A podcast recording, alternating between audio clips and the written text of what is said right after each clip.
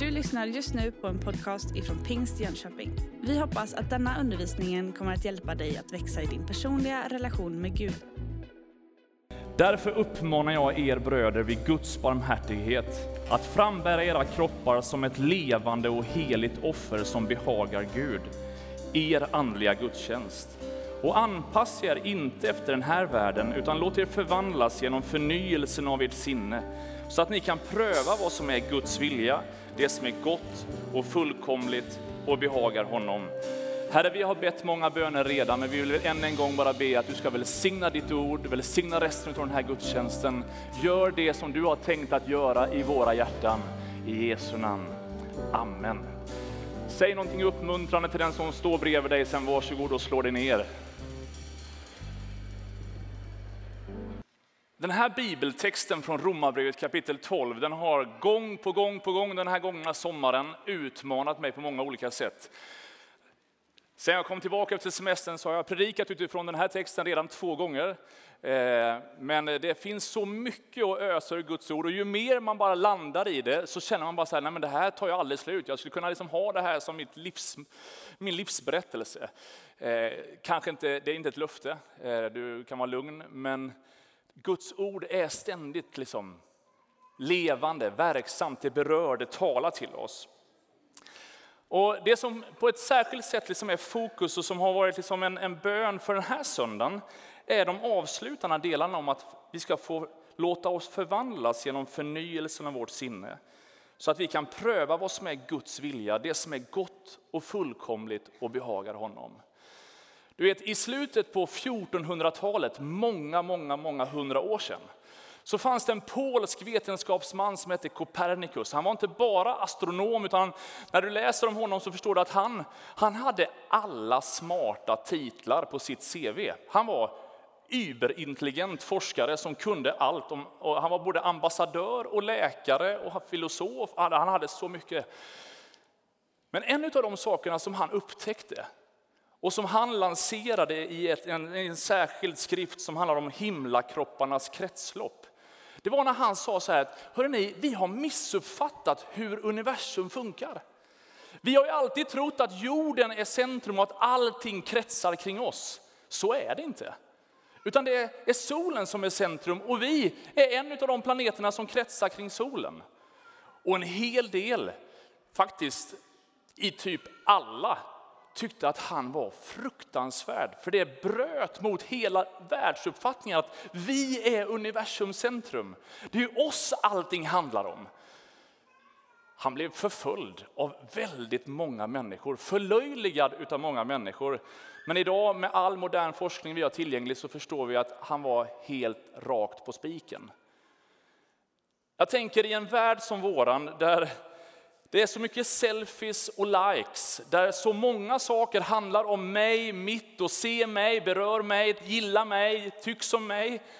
Så kanske det är så att vi mer än någonsin behöver ett uppvaknande på ett andligt plan, likt det Copernicus gjorde för hela universum. Att faktum är att även om du och jag är mästerligt skapade av himmelens Gud, det finns ett okränkbart värde över varje människas liv. Du är unik, du är fantastisk, du har belönats eller begåvats med massa gåvor från Gud som han vill att du ska använda. Trots allt det härliga så handlar inte allting om dig eller mig, utan om Gud. Det är lätt hänt att ryckas med i de här tidens strömningar och någonstans gradvis liksom låta saker och ting handla mer om mig själv än om Gud. Att någonstans ha honom högt, ja det är inte så enkelt.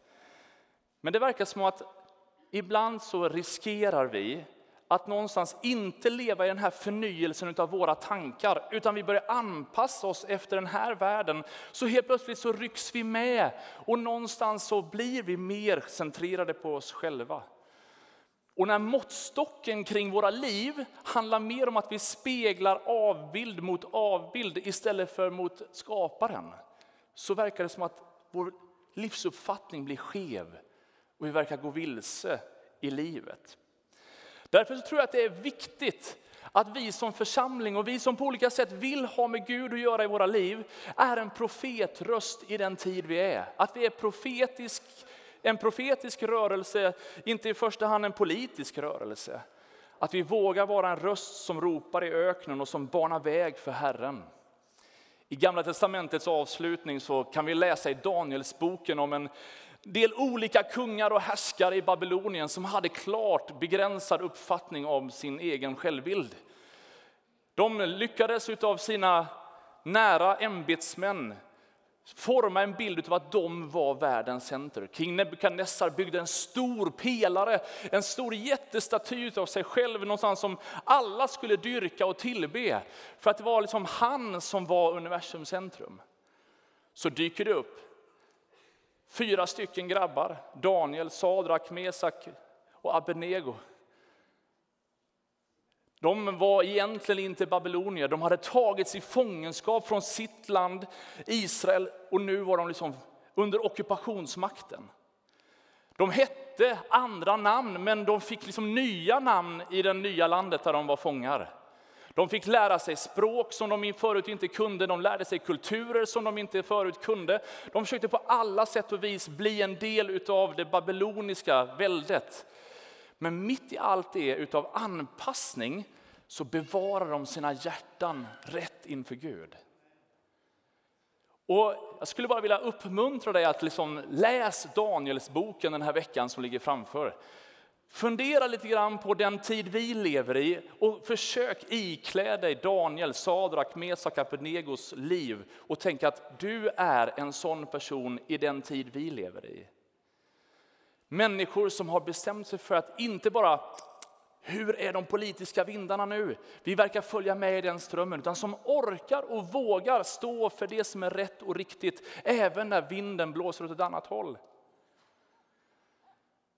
Jag ska helt ärligt säga att förra söndagskvällen så var det med sorg i hjärtat jag gick till söms. Kanske du också gjorde det? Att så mycket av rädsla och fruktan och hårda vindar kan få så mycket fäste i vårt land. Jag vill inte säga ett politiskt utspel, men jag vill från djupet av mitt hjärta säga till dig som kommer från ett annat land och har hamnat i Sverige. Du fryser hela vinterhalvåret. Du är inte ett problem, du är en gåva till vårt land. Du är inte en person som vi helst vill bli av med. Vi har längtat efter dig. Och jag skulle verkligen bara vilja omfamna dig och jag hoppas att du känner att du är välkommen i den här kyrkan. Och när du hör mycket i media, när du hör hur vindarna blåser, så hoppas jag att du ska känna att ja, det må vara lite turbulent i vårt land, men i den här kyrkan ska du vara trygg och älskad och känna att det du är och det du har är lika mycket dyrbart och hör lika mycket hemma här som någon annan av oss som har den oförskämda förmånen att ha fått födas i det här landet. Ja, ja, tack för den där.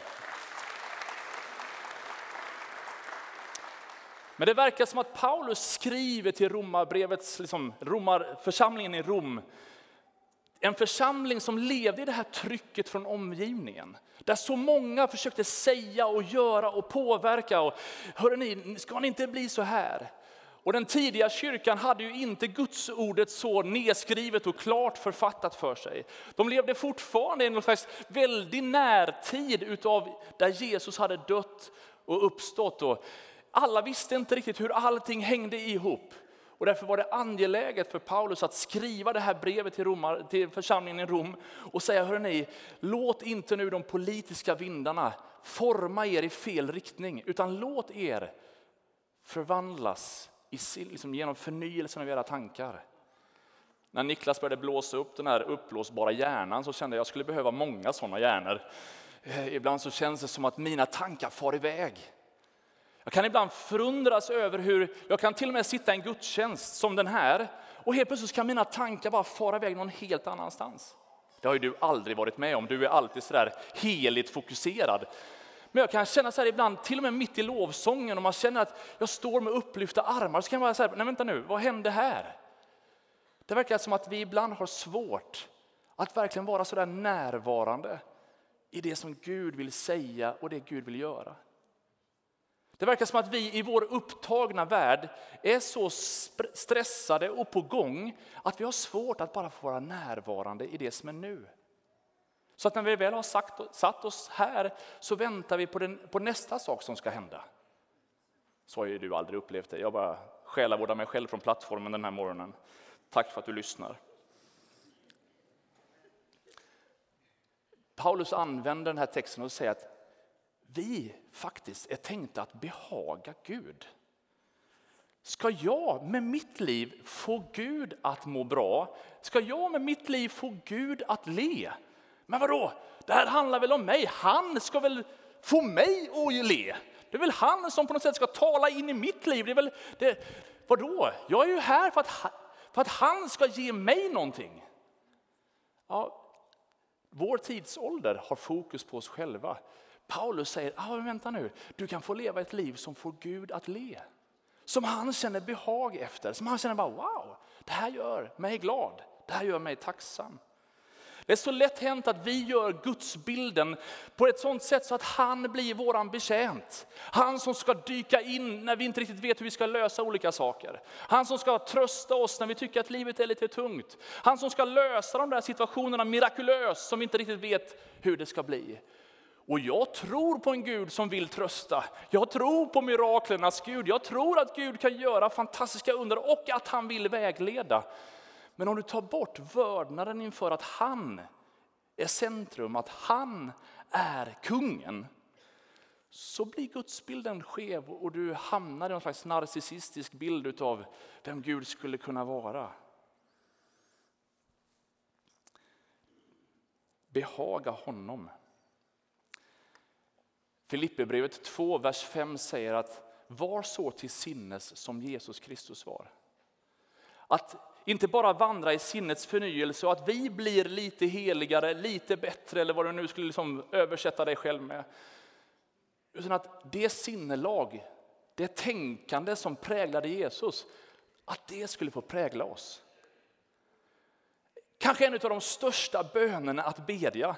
Gud, jag vill tänka så som du tänker. Så att i mötet med olika människor så möter jag dem, inte med mina förutfattade bilder, utan jag möter dem med ditt tänkande, din kärlek, det sinnelag som råder hos dig. Och en av de mest kraftfulla bibeltexterna är när Jesus brottas i ett semande trädgård bara timmar innan han spikas på korset. Han vet vad som väntar, han vet vad som snart ska ske. Och i desperation säger han, Fader, om det finns en chans att slippa det här, om det finns en annan väg att göra det här, nu är det hög tid att liksom komma på eller göra den planen möjlig. Men ske inte min vilja, utan ske din. Och att vilja Guds vilja, inte alltid enkelt, men åh vilken välsignelse det har med sig. Jag tänker så här att för att klara av att leva ett liv efter hans vilja, kunna liksom avgöra vad som behagar honom, så behöver fokuset vara mer på honom än på mig. Men det handlar också om med vilket perspektiv jag ser på mitt eget liv. Vi kan läsa i Hebreerbrevets elfte kapitel och beskriver Bibeln liksom massor med olika personer genom historien som har börjat tro Gud om stora ting. Och så står det så här att i från vers 24. I tron vägrade Moses som vuxen att kallas för faraos dotterson. Han valde att hellre bli förtryckt tillsammans med Guds folk än att ha en kortvarig njutning av synden. Han räknade Kristi vanära som en större rikedom än Egyptens alla skatter, för han hade blicken riktad mot lönen. Genom tron lämnade han Egypten utan att frukta kungens vrede. Han höll ut därför att han liksom såg den osynlige. Jag älskar det här. Moses som föddes i liksom, nästan, ja, han föddes inte i vassen, men han hamnade där i den där korgen i vassen. Faraos dotter tar hand om honom. Han växer upp i den mäktigaste familjen som kanske världen någonsin har skådat. Han har allt, han kan liksom, han har tillgång till allt som är liksom han vill ha i palatset. Men så en dag så börjar han förstå att vänta nu, det här är inte rätt. Och så säger han att, säger Gudsordet att han hellre tog allt av den här smärtan det innebar att lämna det där palatset. För han hade blicken riktad mot lönen. Och om du och jag lever våra liv med fokus på här och nu, njut nu, här vill jag ha all tillfredsställelse, ja då kommer våra beslut ibland bli väldigt konstiga. Men om blicken är lite högre satt, att det handlar om att på den här sidan evigheten fatta kloka beslut och göra rätt saker, inte för att det är lätt alla gånger, men för att det har ett högre syfte längre fram, så kommer du inte navigera fel i stunden. Men att tappa bort nuet, eller tappa bort eh, himlen i nuet, så kommer du lätt gå vilse. Jag läste på internet, Open Doors är en organisation som vi som kyrka på olika sätt både beundrar och ber för. De jobbar för att liksom opinionsbildning och information och stöd till den förföljda kyrkan över hela världen. Och när man läser om Open Doors forskning och de nya rapporterna som kommer regelbundet så inser man att vi i den här delen av världen har en väldigt västerländsk version av evangeliet. Där mycket handlar om att vi ska på något sätt må bra och Gud är bra så länge jag mår bra. Verkligheten för otroligt många kristna över världen just nu är att man firar gudstjänst idag på söndagen i extrem hemlighet i rädsla för den förföljelse som pågår precis utanför dörren. Ta inte för givet det som du idag upplever. Men låt oss också ha blicken på himlen så att vi, liksom den förföljda kyrkan, håller fast vid evangeliet, håller fast vid Gud, även om just nu omständigheterna ser lite annorlunda ut. Att hålla fast vid Gud och att göra det som är rätt och gott, även när det blir lite tokigt. Jag försökte fånga med mig lite saker här som jag, tyck, jag tycker är väldigt gott. Jag vet inte om du tycker det här är väldigt gott. Men för mig, om jag skulle ha en riktigt god söndag, då behöver chips vara en del utav festen. En del hånar mig för detta, men jag offentligt proklamerar här och nu, chips är även gott för vuxna. Det är inte bara för barn, utan det är höjden av fest. Jag vet inte vad du tycker om chokladsås, men jag tycker att det mesta blir godare fall man har lite chokladsås. Också någonting som är oerhört, eller hur? Det är hur gott som helst. Nutella, ja, det kan, alltså allt toppas ju av Nutella. Det är, liksom, det är ju här, det är, ju, det är så mycket gott som Gud har skapat. Varför ska vi inte njuta av allt det goda? Hur många äter tacos på fredagar? Det är ju, tacos är ju också en Guds gåva till Sverige. Vad vore vi? Hade vi bara kört liksom svenska köttbullar? Nej, det här har ju varit ett lyft. Personligen tycker jag att, att eh, så torkad lök, ofta sätter en slags liksom så krydda på det mesta. Det funkar till söndagssteken, det funkar liksom till tacosen, ja, det funkar, funkar alltid med torkad lök. Har jag någon som känner likadant? Nu vet jag att det finns några som tycker att det här är, det här är också höjda bacon. Hur gott är inte bacon? Alltså det är ju, allt blir godare om man har bacon, eller hur? Det är ju så. Eh, måste jag ha kaffe? Vad vore vi utan kaffe, eller hur? En skvätt kaffe här, det är ju ljuvligt. Men man kan inte bara dricka kaffe, man behöver Coca-Cola också. Tony, har du druckit Coca-Cola i ditt liv någon gång? Någon gång? Alltså Gud har skapat fantastiskt mycket gott. Här, kolla här, hamburgerdressing. Det är ju det är likadant det är. Alltså, jag tycker inte ketchup är så gott, så när vi kör pasta hemma så känner jag den här, den är ju hur god som helst. Jag skulle kunna stå här hela dagen och lägga i lite fler saker, men jag ser att Matte börjar bli hungrig här på första raden. Så jag får skynda på här med mitt matlagningsprogram. Tänkte ta mig barfota och gå runt som Ernst och prata om hur den här bunken flörtar med gardinerna lite grann sådär, men vi, vi tar det sen efteråt. Det är så mycket gott här. Oj, oj, oj. Så. Matte, kom här nu. Kom.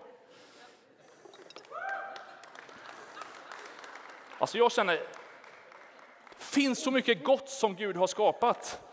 Och jag tänker så här, vad är bättre än att en söndag du får äta den här. Mm. Du får smaka den här. Det är en gåva till dig. Tack. Varsågod, du får sitta här och bara liksom njuta. Du får så VIP-plats här på jag, första bänken. Jag tar med den. Du får ta med den.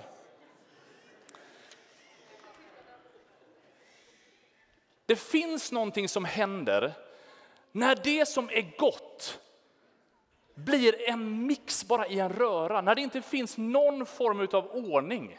När det inte finns något recept, när vi bara trycker in allt det som i grunden är gott, men inte håller det inom sina ramar, då blir det inte så fräscht. Det ser ju allt annat än aptitligt ut. Jag ska inte säga vad jag får för associationer. Jag ser att du kämpar där. Jag ska inte provocera den tanken mer. Men du vet, när Gud skapar världen så var han nöjd med allt han skapade. Han såg, wow, det här blev bra. Han såg naturen, han såg djuren, han såg allt det goda som fanns. Han krönte den med sin avbild människan och såg bara, det här blev jättebra. Men han har också skapat vissa ordningar. Inte för att begränsa det i någon mening att du inte ska liksom njuta av det livet han har tänkt att du ska liksom leva. Utan just för att du ska kunna hantera det på ett bra sätt. Ta några exempel.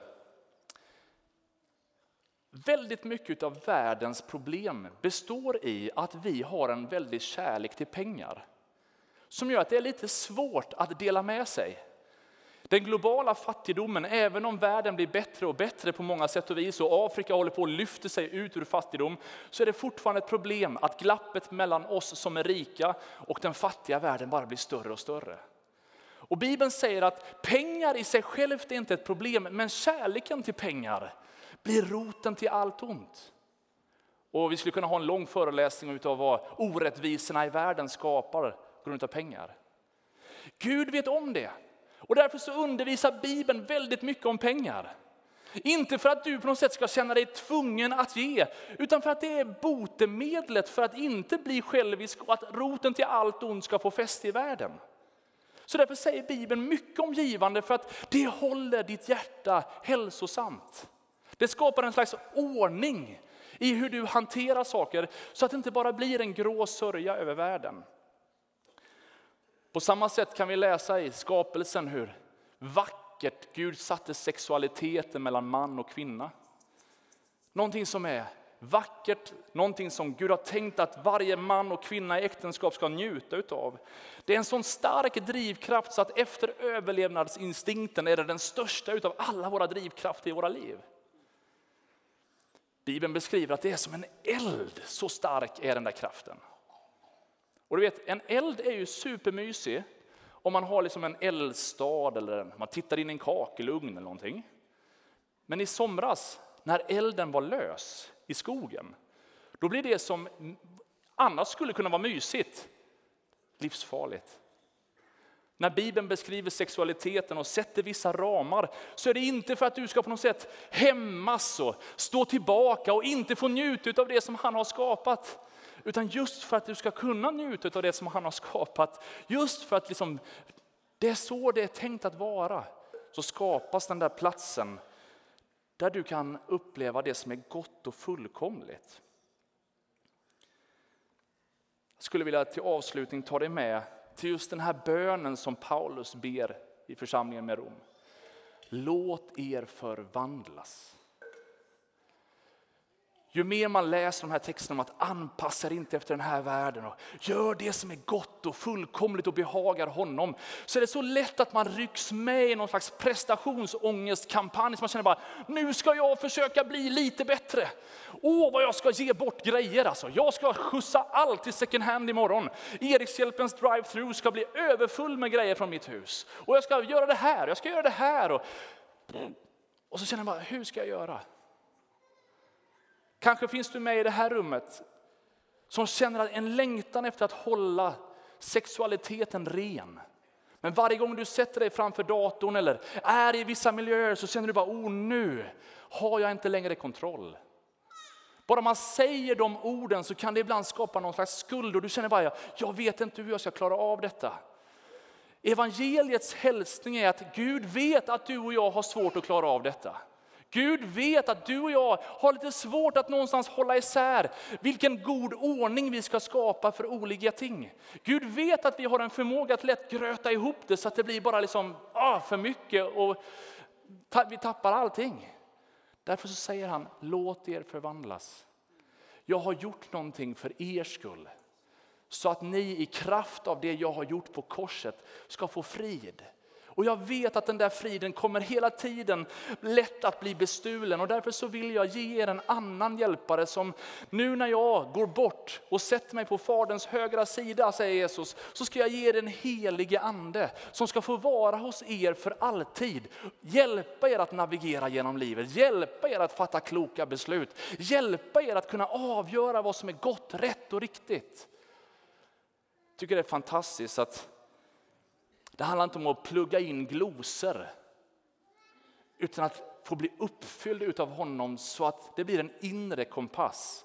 Så att i livets olika skeden, när du sitter med dina klasskompisar, arbetskamrater eller möter människor i olika sammanhang, du blir överraskad av tillfället, så kommer du ändå känna att mm, jag tror att jag ska luta mig lite mer åt det här hållet istället för det här hållet. När alla andra går i en viss riktning så får du påminna om att det är bara döda fiskar som simmar med strömmen.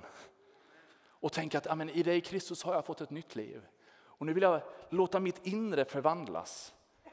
Så att urskiljningsförmågan blir bättre och tydligare. Jag hörde en statistik nyligen om hur många mord en person har sett som fyller 18 år på tv i vårt land. Hur otroligt många människor det är, dig och mig inkluderade. Vi har sett, kanske inte liksom, det kanske är spelfilm, det är inte på riktigt, men summan av allt gör att vi har på något sätt förlorat omdömet kring vad som är normalt eller vad som är på vilken nivå. Det är därför som Paulus skriver, anpassa dig inte efter den här världen. Var försiktig lilla öga vad du ser är en gammal barnsång som sjunger. Det handlar inte om att vi ska fly undan från att leva i vårt samhälle. Men Bibeln utmanar oss att inte leva av det. För om saltet förlorar sin sälta, hur ska det då kunna göra någon nytta för sin omgivning?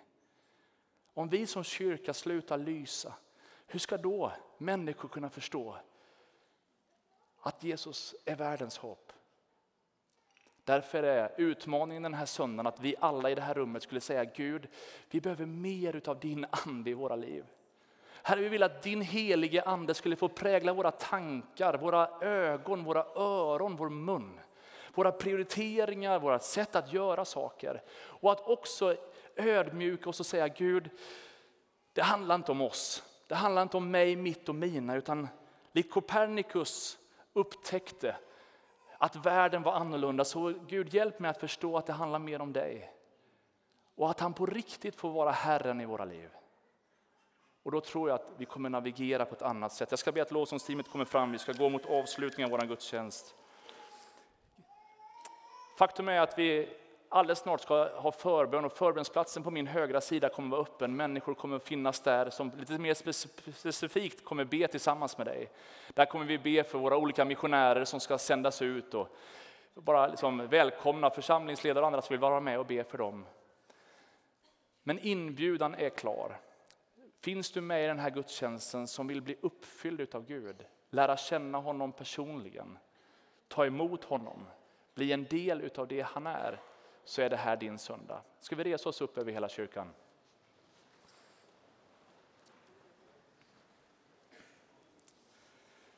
Hebreerbrevet säger att jag ska lägga mina lagar i deras sinne och skriva dem i deras hjärtan. Jag ska vara deras Gud och de ska vara mitt folk. Om du den här söndagen känner att Gud, jag längtar, jag törstar efter mer av ditt sinne i mitt sinne. Välkommen till förbönsplatsen. Men jag skulle också vilja be en enkel bön för dig innan vi liksom börjar lovsjunga och ber.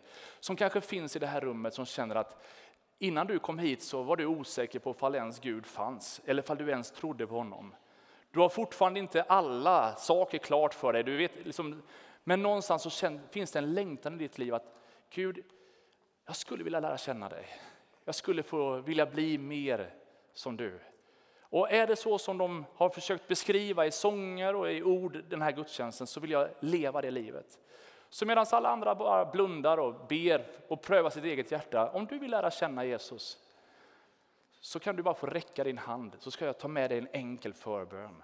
Kanske är det så att du aldrig har gjort det förut. Särskilt välkommen att fatta ditt viktigaste beslut. Kanske är det så att du för länge sedan kände Gud men du har kommit på lite omvägar och någonstans den här söndagen känner du en längtan att få hitta hem igen. Att någonstans få famnas av Guds armar. Så vi bara är i bön över hela kyrkan och så kan du få räcka din hand så fall, fall du vill bara, här är jag, be för mig. Tack Jesus, Gud välsigne dig. Kan ta ner handen sen när jag räckt den, det är helt okej. Okay. Tack Jesus. Är det någon mer som bara säger, det där är jag, be för mig. Så ska vi famna dig i en enkel förbön du också. Tack Jesus, Gud välsigne dig också. Är det någon mer? Vi bara är i bön över hela kyrkan. Gud välsigne dig med. Tack Jesus. Kan ta ner händerna sen när jag räckt dem. Gud välsigne er också. Tack Jesus, Gud välsigne dig med. Gud välsigne dig också. Tack Jesus. Är det någon mer som bara säger, jag vill lära känna Jesus den här söndagen. Jag vill, behöver närma mig honom. Så bara räck din hand så ska vi innefatta dig, innesluta dig i en enkel förbön alldeles strax. Tack Jesus. Herre jag ber dig. Herre jag ber dig. Gud välsigne er som har räckt era händer. Låt oss be tillsammans. Jesus jag tackar dig för förmånen att den här söndagen få vara med och be särskilt för människor som vill lära känna dig. Och nu vet du varje hand som har räckt som ett tecken till dig att här är jag, jag vill lära känna dig. Och Herre, nu ber jag dig att den här söndagen så skulle du på ett särskilt sätt visa dig, uppenbara dig och bara låta dina kärleksfulla faders armar famna. Herre, tack för att vi får överlämna dessa vänner i dina händer och be att din ande skulle få fylla på med allt det som du vill ge dem. I Jesu namn vi ber. Amen. Du har just lyssnat på en podcast ifrån Pingst Jönköping. För att få reda på mer om vilka vi är och vad som händer i vår kyrka så kan du gå in på pingstjonkoping.se eller följa oss på sociala medier via pingstikpg.